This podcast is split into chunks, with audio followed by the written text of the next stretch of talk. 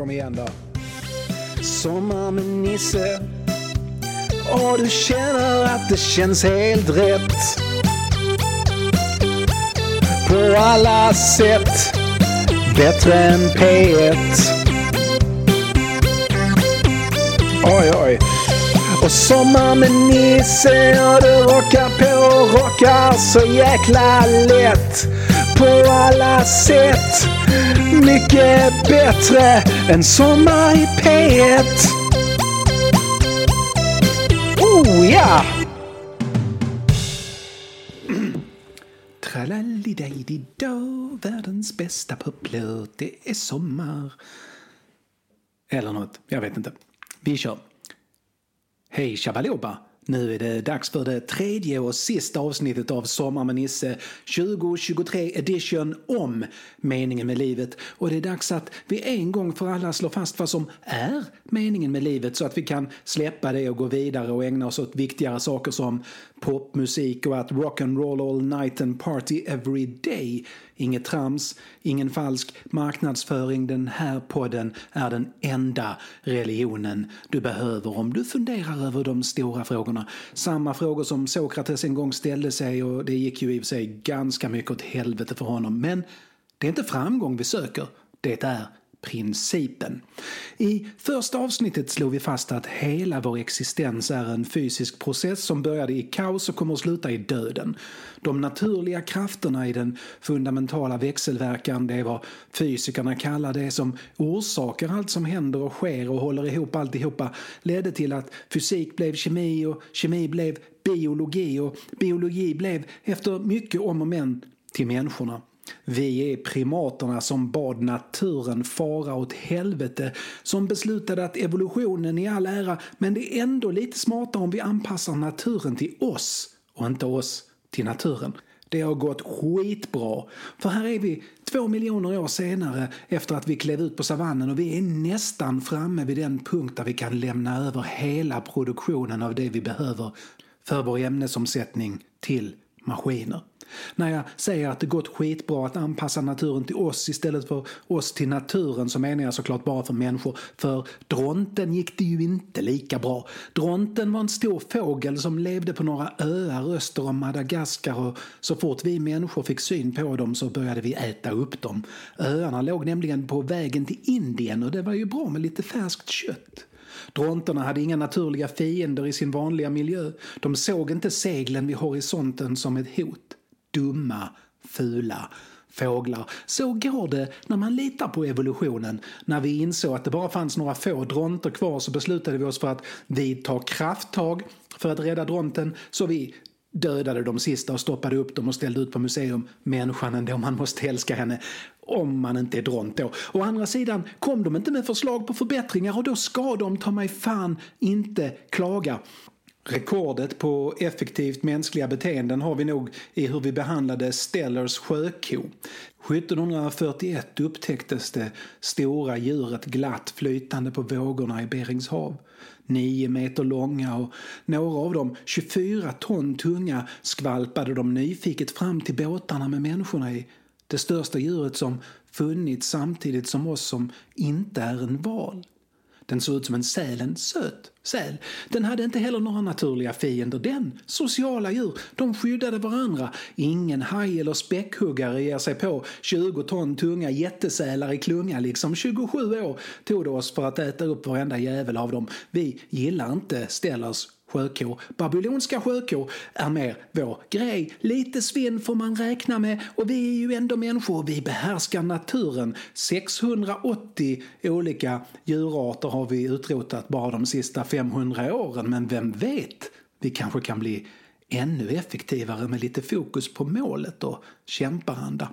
Hur som helst, vi är fysik och biologi och kemi som vi ibland förbättrar med ännu mer kemi för att vi inte är nöjda med vår psykologi. Det finns ingen yttre mening med oss som spelar någon egentlig roll. Även om det skulle vara så att det finns en högre makt som skapat oss så innebär det inte att vad än han eller hon hade för avsikt med oss är det något vi behöver tycka är viktigt eller han eller hon. Det kan ju lika väl vara en den eller en glupp.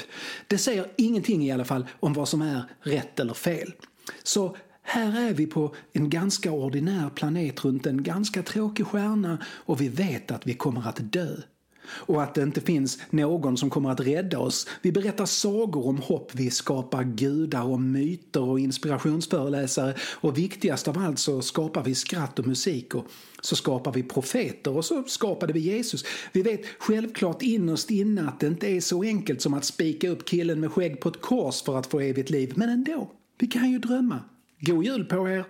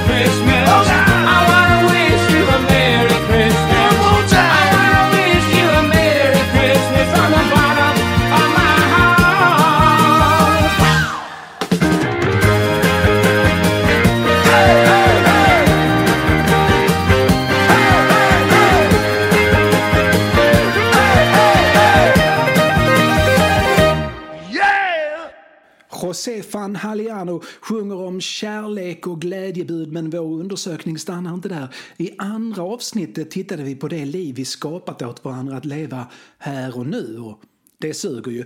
Vi hade kunnat göra världen till nästan precis vad vi ville och tydligen så är det här det bästa vi kunde komma på. Okej, vissa saker kan vi inte komma undan. Vi måste arbeta. Till exempel, våra kroppar drivs med värme och för att skaffa oss värme, kalorier alltså, måste vi äta och sova och det kräver att vi utvinner kalorierna ur någonting. Vi jagade och samlade och sen odlade vi och dödade dronter och sjökor. Vi byggde civilisationer, vi skapade tidlös konst och pyramider som fortfarande reser sig som Kilimanjaro över Serengeti och vi välsignade regnet i Afrika men inte på den svenska sommaren. Vi är snart 10 miljarder individer i flocken, mest framgångsrika däggdjuret hittills i alla fall. Inte för att vi finns, det gör ju de andra djuren också, om de inte ser ut som mat och inte har vett att flytta på sig som de där dumma jävla fåglarna, men för att vi faktiskt finns runt hela planeten och att vi skaffat oss möjligheten att nästan helt styra vårt egna öde. Vårt öde just nu är att ha alla möjligheter som helst att utrota både svält och de vanligaste dödliga sjukdomarna. Men det tycker vi inte är särskilt viktigt eftersom vi har bättre saker för oss. Till exempel att kasta ärtpåsar till varandra på arbetsplatsträffen medan vi pratar om förvaltningens nya värdegrund. Och bara den som har ärtpåsen får prata men bara så länge hon inte ifrågasätter varför hon måste sitta där och diskutera värdegrund när hon istället hade kunnat jobba med att optimera synergieffekterna i det dynamiska kundmötet. Nåja, Marit, det hade kunnat vara värre. Du hade kunnat vara mäklare. Vi har mäklare. Vi klättrade ner från träden och ut på savannen och två miljoner år senare så har vi mäklare och bitcoin. Vad har mäklare och bitcoin gemensamt förutom att de är saker som finns här och nu? Kul du frågar mig. Vare sig mäklare eller bitcoin skapar några värden. Du kanske kan sälja dina bitcoin för mer än du köpte dem för men det har ju inte bidragit till att någon energi omvandlas till värme i en kropp eller till att en kropp gjort av med mindre värme. Vilket någonstans faktiskt är grunderna för alla värden vi skapar utom de estetiska och några sådana skapas inte heller genom bitcoin. De drar en jävla massa energi dock. Vi satsar jättemycket energi på att låta några snubbar, det är mest snubbar, ha datapengar på sina datorer. Totalt slöseri med energi alltså. Låter det bekant? Just det mäklare. Någon har en fastighet, någon annan vill ha fastigheten. Den här andra människan kan ge pengar till den första människan för att få ta över den fastigheten. Men så enkelt ska det inte vara. Nej, det ska in en mäklare som liksom... Eh, har ni lite pengar åt mig också? Mäklaren skapar inget värde i fastigheten. Hade det handlat om en snickare eller en rörmokare eller en konstnär eller något vettigt hade personen kunnat tillföra värde till fastigheten men det enda mäklaren bidrar med är att få betalt. Eventuellt att mäklaren kan dra upp priset på huset en aning genom att placera ut fruktskålar på diskbänken och lägga ut bilderna på internet men det måste mäklaren låtsas som att mäklaren inte gör eftersom mäklaren måste upprätthålla myten om att mäklaren är opartisk och arbetar för både köparen och säljaren lika mycket. Mäklare och bitcoin. Kan ni tänka er våra släktingar på savannen, Homo habilis, om de fick höra att vi la tid och energi på mäklare? De använde sina byfånar till bete. Jag säger inte att vi borde använda mäklare till bete eller för att avleda krokodilernas uppmärksamhet. Inte alls. Inte då. Så att... Eh, Jo, vår moderna värld är otroligt långt ifrån hur fantastisk den hade kunnat vara men samtidigt är den ju också mycket, mycket bättre än den har varit. Och så man måste ju få vara glad för det lilla. Finns det en mening med livet så finns den kanske inte här just nu. Det är ju fortsatt så att vi föds, arbetar och sen dör vi.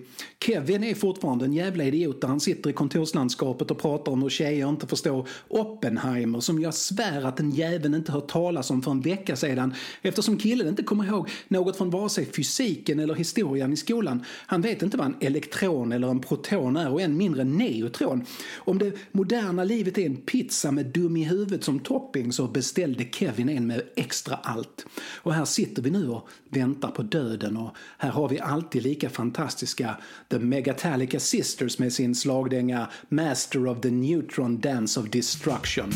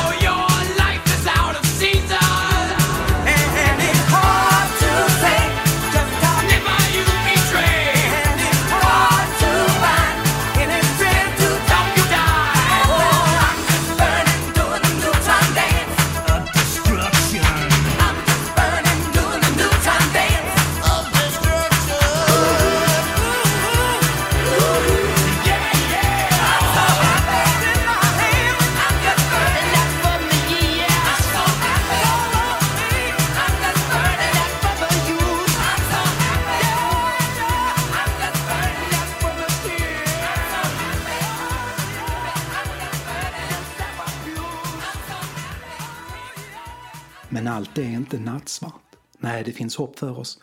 Trots inflation och dyr falukorv och mäklare och Kevin och att universum kommer att slita sig själv i bitar och kommer bara fysiken för råda. Utan att någon lägger sig i så kommer till slut elementarpartiklarna att kollapsa och ingenting återstår utom möjligen någon sorts kosmisk reboot på hela skiten utan oss människor som legacy character då som det kallas som när rollpersoner från första trilogin eller första omgångarna dyker upp i biroller för att gamla tittare ska inbilla sig att det är samma sak som när de var barn. Häng med nu. Vi kan påverka den här fysiken, eller hur? Bara det att vi gör redskap och odlar mat och dödar dronter och sånt är att påverka fysiken. Men vi har ju inte stannat vid det, nej, vi klyver atomer numera. Atomer ska inte gå att klyva. Atomer ska vara det minsta som finns och själva namnet betyder odelbar, men bryr vi oss? Inte en chans. Vi klyver dem som vore de sjökor på Berings hav, för sådana är vi. Ständigt nyfikna och ständigt tänkande och ständigt dumdristiska och gripna av dödsångest klyver vi atomer och det går bra. Hittills har vi använt kunskapen om hur man klyver atomer till att driva ångmaskiner, kärnkraftverk är ångmaskiner vad de än försöker inbilla dig, och att bygga bomber som kan döda miljoner människor per bomb. Men det handlar inte så mycket om vad vi gör med kunskapen och förmågan utan att vi skaffar oss den. Vi klev ut på savannen för två miljoner år sedan. På två ben gick vi genom gräset och när vi gjorde det hade det funnits liv på jorden i ett par miljarder år. Sen tog det oss till för 15 000 år sedan innan vi började ha tamdjur och så småningom bli bofasta och bygga städer och skaffa oss mäklare och Kai Pollak som pratar om att välja glädjen. Universum föddes för 13 miljarder år sedan. På någon miljondels sekund bildades atomerna och de var odelbara tills vi dök upp. Underbara, fantastiska vi. Vår främsta evolutionära fördel är såklart vår intelligens. Vår intelligens kombinerat med våra händer var grunden men det, men det var språket som blev det som gjorde att vi kunde lägga i högsta växeln. Inga andra djur kan bevara kunskap och erfarenheter som vi kan. Våra barn behöver inte upprepa våra misstag för vi kan berätta om dem för dem. Sen kommer de ju upprepa våra misstag ändå de jävlarna men de behöver inte göra det. Och hur otroligt är inte det? Inte nog med att vi med arbete börjar tämja naturen, vi börjar också skaffa oss kunskap om den som vi sprider till nästa generation. Att föröka oss handlar inte längre bara om att ge vår DNA en chans att hålla på med ämnesomsättning en generation till utan också om att vår gren av livet kan bli ännu bättre på att visa kukfinger åt naturen.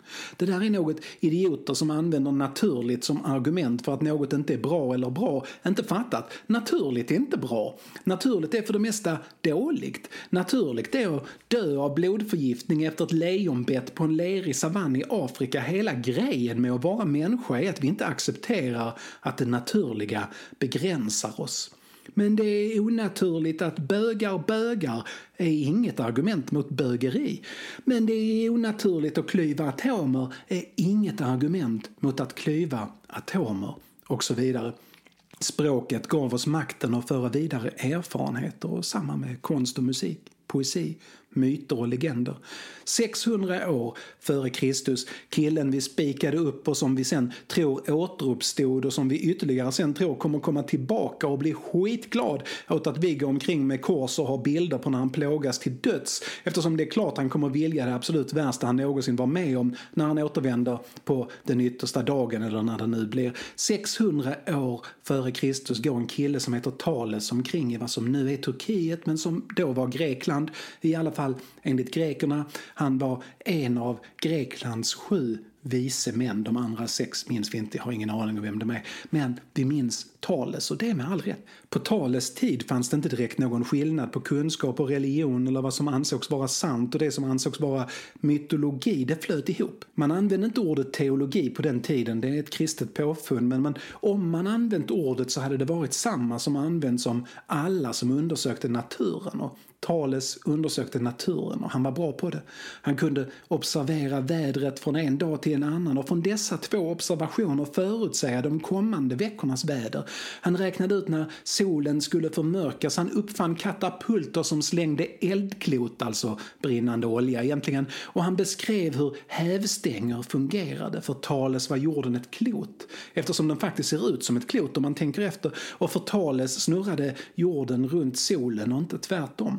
Han var inte först med något av detta och han var inte först med att dra slutsatser från observationer, inte först med systematiken heller. Men det han var först med, i alla fall vad vi vet, var att inte slå sin elev på käften. Eller så här, på talets tid så tog kloka gubbar sig en elev för att sprida sin kunskap till nästa generation. På det sättet blev man odödlig.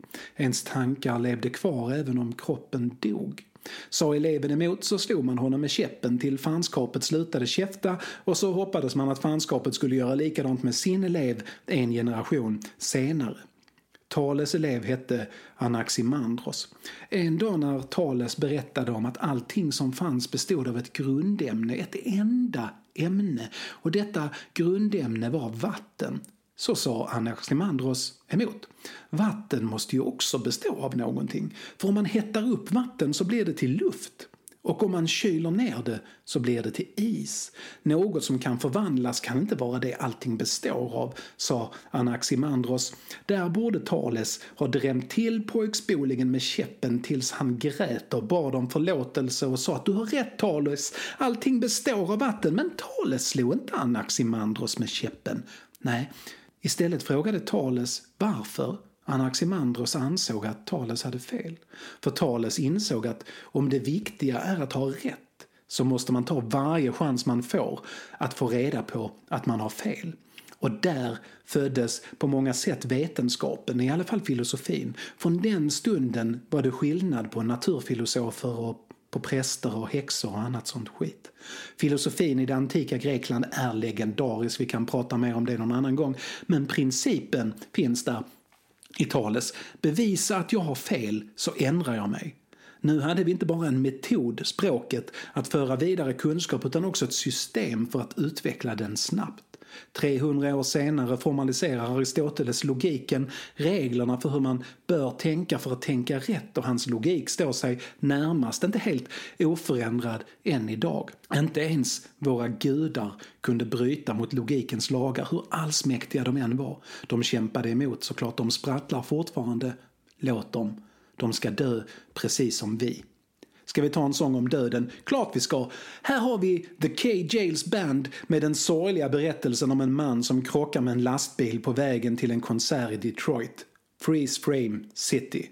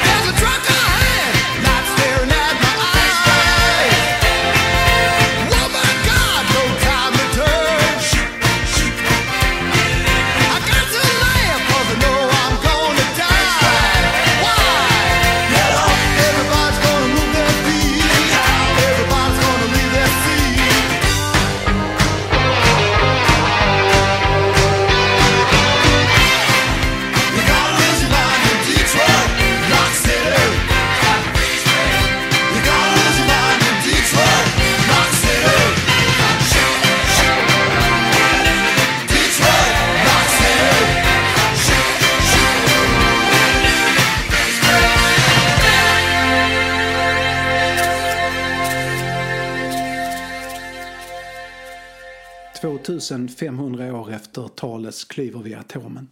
Det går snabbt när vi människor kommer igång. I 13 miljarder år höll atomerna, men på 2 500 år klyver vi dem. Det finns inget vi inte kan göra. Om vi inte dödar oss själva så finns det inget vi inte kan göra. Vi har gjort till och med de grundläggande naturkrafterna till sådant vi kan styra. I alla fall hjälpligt. Men det blir bättre. Inte för dronten, men kanske för oss. Vi är kreativa och skapande och drömmande primater. Vi skrattar tillsammans och vi spelar musik tillsammans. Döden bär vi med oss men vi låter inte det bli alltför deprimerande. Att ge upp är inget som ligger för oss människor. Titta på covid-19. Plötsligt så skärpte vi oss. Inte så länge och vi skärpte såklart oss med ett väl tilltaget mått dum i huvudet som vanligt men ändå gjorde vi det. Visst, vi var arga på varandra och agerade som yra höns men ändå så släppte vi det vi sysslade med för stunden och som en planet och en flock grovt räknat så vidtog vi åtgärder och uppfann ett vaccin eller två med revolutionerande teknik rekordsnabbt och det var liksom möjligt. De cyniska av oss kan kanske tänka att det är märkligt hur snabbt det gick att skärpa sig när det dök upp ett hot som drabbade blekhudade män mellan 50 och 70 lika hårt som något som drabbade afrikaner eller bögar eller kvinnor eller barn eller fattiga. Men det vore synd att stirra sig blinda på det negativa. Vi skärpte oss, tänk på det. Och det kan vi göra igen. Om det kommer en asteroid och vill krocka med jorden så ska ni ge er fan på att vi skärper oss då också. För såna är vi. Världen idag är kanske något av en mardröm, men det är en mardröm där det finns en gnutta hopp. Vi kan vakna. John Blund är snällare nu än när vi inte bara trodde på döden utan på döden och gudar och helvetet. Vi tar en visa till. Den här sjöng man många gånger kring lägerelden kan jag tänka mig. Vi kanske inte brukar tänka så mycket på texten eftersom själva melodin är så catchy att de flesta människor nog inte ens tänker på texten men det borde de eftersom den inte bara handlar om hur skönt det är att inte sticka ut och liksom bara vara en som inser att det är viktigt att följa trender. Nej, den här är, det är också ett direkt uttryck för bandets personlighet, det vill säga James Hetfield and the News. Här är Hip to be the Sandman.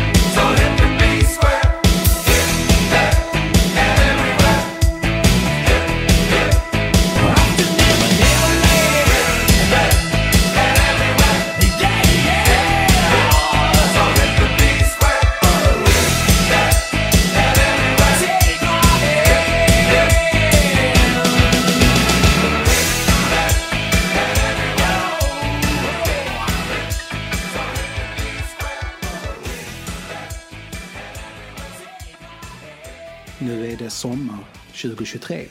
Vi har börjat vänja oss vid det här med AI, artificiell intelligens. Det gick obegripligt snabbt. Visst, vi är snabba men det här är ändå förvånande. AI och våra maskiner kommer att ändra allting. Det här är den största förändringen av den mänskliga tillvaron sedan vi industrialiserade vårt samhälle och införde lönearbete som grunden för den mesta produktionen istället för jorden. Det här var ett stort steg. Vi frigjorde oss ett steg från materian och blev våra egna.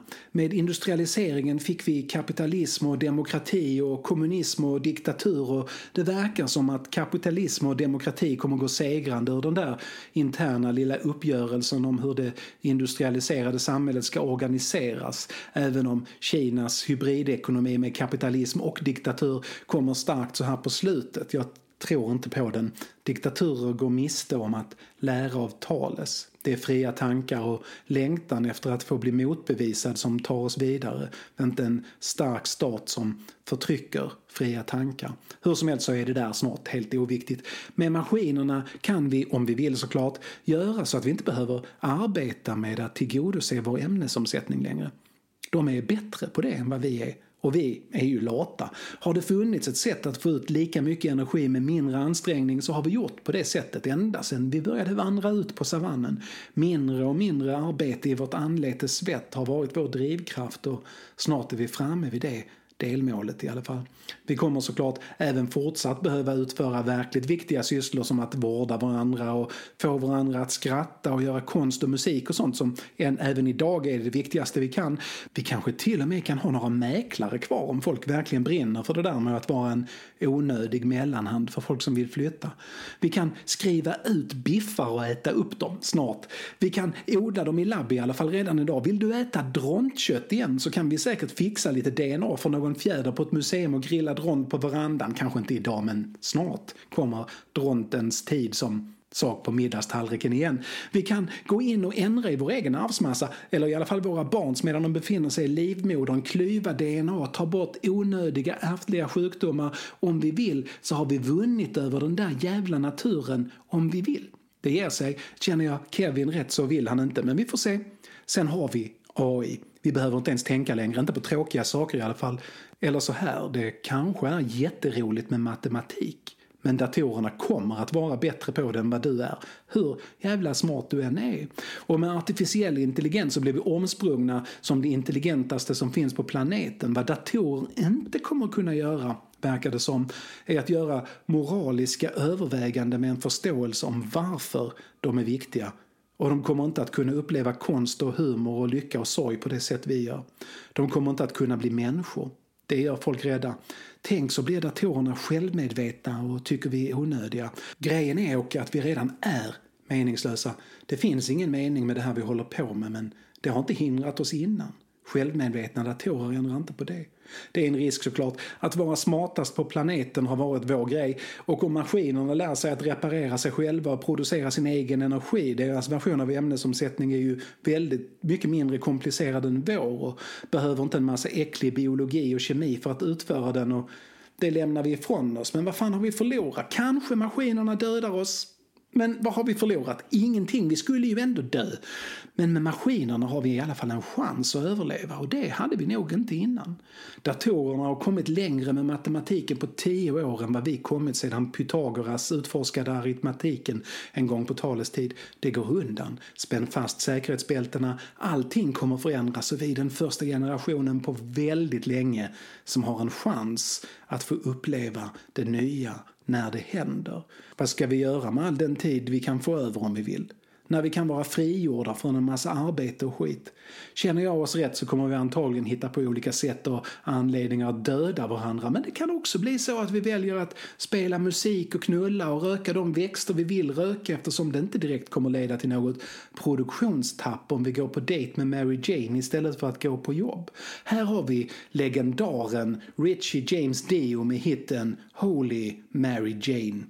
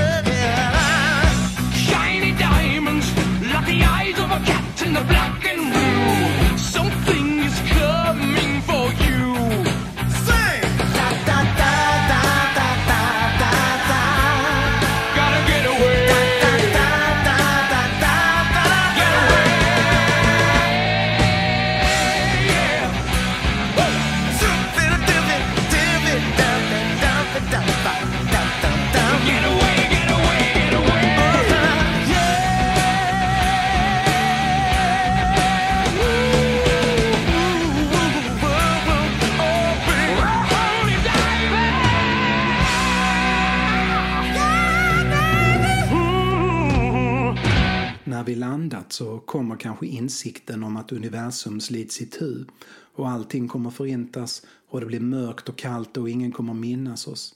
Nu kommer den här meningen med livet till slut. Eller meningarna med livet, de är två. Den första är trivial och den andra är en dröm om hopp. Vi börjar med den triviala alltså. Tiden finns inom universum och den är precis som allt annat något som bara är. Vi befinner oss i universum och tiden men bara för att våra sinnen upplever den som en rörelse så är tiden egentligen inte mer en rörelse än en riktning. Höger är ingen rörelse, höger är höger. Om du går åt höger så rör du dig men den plats du var på innan är kvar och du kommer fortfarande ha varit där innan du gick åt höger. Med tiden är det likadant. Du kommer alltid ha varit den du var när du hörde detta. Även om redan nu när du hör detta är den du är nu istället. Förstår du? Det du var kommer alltid vara det du var när du var det. Om du såg dig själv utifrån och kunde blicka på tiden som du spolar fram och tillbaka en film så är det där du är. Varje ögonblick är evigt. På det viset har vi evigt liv redan och ingen behövde spikas upp för det, för det är så det funkar. Det innebär såklart att allting som är sant om dig i den här stunden alltid kommer vara sant om dig som du är i den här stunden. Dina moraliska beslut kommer för alltid vara det du beslutar även om du senare kommer på att du gjorde fel. Nu kommer jag låta lite deprimerande här men det är alltså inte så att det du gör nu bara ekar i evigheten som svallvågor eller fjärilseffekter. Det gör det också. Vår fria vilja gör att vi kan påverka evigheten. Men det är också så att det du gör nu är det du gör i evigheten. I alla fall det du gör nu i evigheten. Du har alltså ett ansvar för att göra saker som faktiskt är eviga och grattis, du har ett val här. Det är inte så himla lätt att veta vad som är rätt och fel alltid. Världen är komplicerad men du ska ta med fan vara så pass vuxen att du i alla fall försöker göra rätt. Det är det allra minsta vi kan göra och det allra minsta vi kan göra när vi gör det allra minsta vi kan göra är att försöka göra världen lite bättre. Få någon att skratta, få någon att känna sig trygg och älskad. Did you give the world some love today? Som Doris skulle frågat. Glada människor har större möjligheter att lösa nästa problem, nämligen varför ska du göra rätt när du lika gärna kan göra fel? Ja, men det hör du väl? Det ingår i ordet rätts logiska egenskaper att det just är rätt. Och logiken rår ju inte ens gudarna på som du kommer ihåg. Och med rätt menar vi moraliska rätt, universella rätt. Om du frågar dig vad som är rätt handling så menar du inte rätt handling för just dig utan rätt handling för alla som skulle kunna vara i din position. Fråga dig om du skulle vilja att du gjorde det du överväger att göra om du riskerade att genom trollerimagi plötsligt bli någon av de personer som påverkas av det du gör. Du vet inte vem slumpen avgör. Skulle du ändå vara beredd att ta konsekvenserna av din handling? Ja, då är det för det mesta bara att köra, för troligtvis är det ganska rätt. Nu till hoppet. Meningen med livet är inget som finns utanför livet. Meningen med livet är livet. Livets funktion är livet. Det har inget värde i sig såklart det där med funktion. Naturligt och funktion är inte samma som rätt eller fel eller gott eller ont eller bra eller dåligt. Men det är vad det är. Av skäl som inte spelar någon som helst roll så börjar molekyler på jorden syssla med att omvandla olika energier till värme inom sig och cellen är ett effektivt sätt att göra det på så det blir celler som gör det. Celler som samarbetar gör det bättre än celler som inte samarbetar men har nackdelen att samarbetet slutar med döden. Genom att duplicera sina kärnor överlever cellens plan i en ny cell. Coolt. Syftet med livet, det inre syftet med livet alltså, är livet. Livet är överlevnad och överlevnad får vi till priset av att individen dör. Än så länge dör individen i alla fall. Så syftet med livet var att överleva och genom evolutionen som inte är en plan eller ett syfte eller så utan bara slump från första början så uppstod vi. Människorna självmedvetna, lagom dumma i huvudet men ändå smartast på planeten och vi har en som alla andra däggdjur har fri vilja. Vi kan alltså titta på världen och sen fatta medvetna beslut om hur vi ska agera för att dels överleva så länge som möjligt med så lite ansträngning som möjligt och dels ha roligt och dels skaffa barn. Från och med nu bestämmer vi själva, men syftet med livet är detsamma. Det gör inte att det är rätt som sagt, men det är det som är anledningen till att vi finns och vi är rädda för döden. Rädslan för döden är en mycket viktig anledning till att vi däggdjur är så bra på att försöka undvika döden. Vad som är meningen med våra egna sorgliga liv måste vi själva komma på, men som mänsklighet varför inte överleva? Det finns en liten chans att vi kanske kan det. Troligen inte som individer, inte vi som finns nu i alla fall, men det är egentligen oviktigt och vi kommer antagligen inte överleva som art heller eftersom mutationer muterar och vår arvsmassa kommer inte se likadan ut om två miljoner år som den gör nu, men ändå, varför inte? Naturlagarna säger att allting kommer gå under. Det spekuleras om att i den mån man kan räkna på evigheten så har vårt solsystem kommit halvvägs. Om fyra miljarder år så går det sönder. Universum som helhet har minst 22 miljarder år till på sig, troligen 30 eller 40. 22 miljarder år minst alltså. 22 miljarder år är 22 000 miljoner år.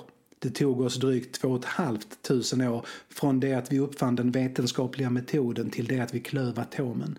Det är ingenting, ingenting. Vi är bara i början om vi vill och har lite tur. Vi behöver inte veta varför våra celler vill förvandla en annan energi till värme för att ändå tycka att vi ska fortsätta med det. Om inte annat så har vi ju inget annat viktigt för oss om vi tänker efter. Så varför inte? Något ska vi ju göra. Chanserna att överleva universums undergång är givetvis inte stora. Oddsen är emot oss. Men finns det någon som kan klara av det så är det fan mig vi. För det är sånt vi gör. Vi skärper oss när det gäller och med oss har vi musik och skratt och galghumor om vi vill. Vi kan ha roligt på resan mot den troliga men inte helt givna undergången. Den nya tiden är här. Gamla nödvändigheter är inte nödvändiga längre. I det här avsnittet har vi lyssnat på musik av Bill McClintock som gör nytt och enastående av gammalt och enastående och det är också så mänskligt det kan bli. Men i grunden inte konstigare än att två trubadurer möts på någon taverna i Rom under Augustus tid och slår ihop ett par låtar de lärt sig på varsitt håll till en ny. Det här är också konst och jag älskar det. Nästa avsnitt blir ett vanligt. Sommaren är slut, vi går tillbaks till gruvorna och den där jävla Kevin. Och så slänger vi ett vaksamt öga mot himlen. Inga dumma asteroider ska komma och förstöra vårt roliga inte. Här har vi Judette med hoppfulla She's got the Sentinel. Var snälla mot varandra. Vi hörs.